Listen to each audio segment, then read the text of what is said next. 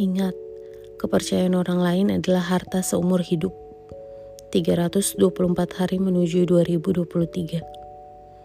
Orang yang suka inisiatif mentraktir bukanlah karena ia punya banyak uang, tapi karena ia memandang pertemanan lebih penting daripada hartanya. Orang yang suka mengalah saat bekerja sama bukanlah karena ia takut, melainkan tahu apa artinya berbagi. Orang yang bersedia bekerja lebih keras dari orang lain bukanlah karena ia bodoh, tapi karena mengerti apa artinya bertanggung jawab. Orang yang terlebih dulu minta maaf saat berdebat bukanlah karena mengaku salah, melainkan tahu artinya menghargai. Orang yang bersedia membantumu bukan karena berhutang, tapi karena menganggapmu sebagai teman. Sudah berapa banyak orang yang tidak memperhatikan logika ini? Sudah berapa banyak orang yang menganggap pengorbanan orang lain adalah hal yang semestinya?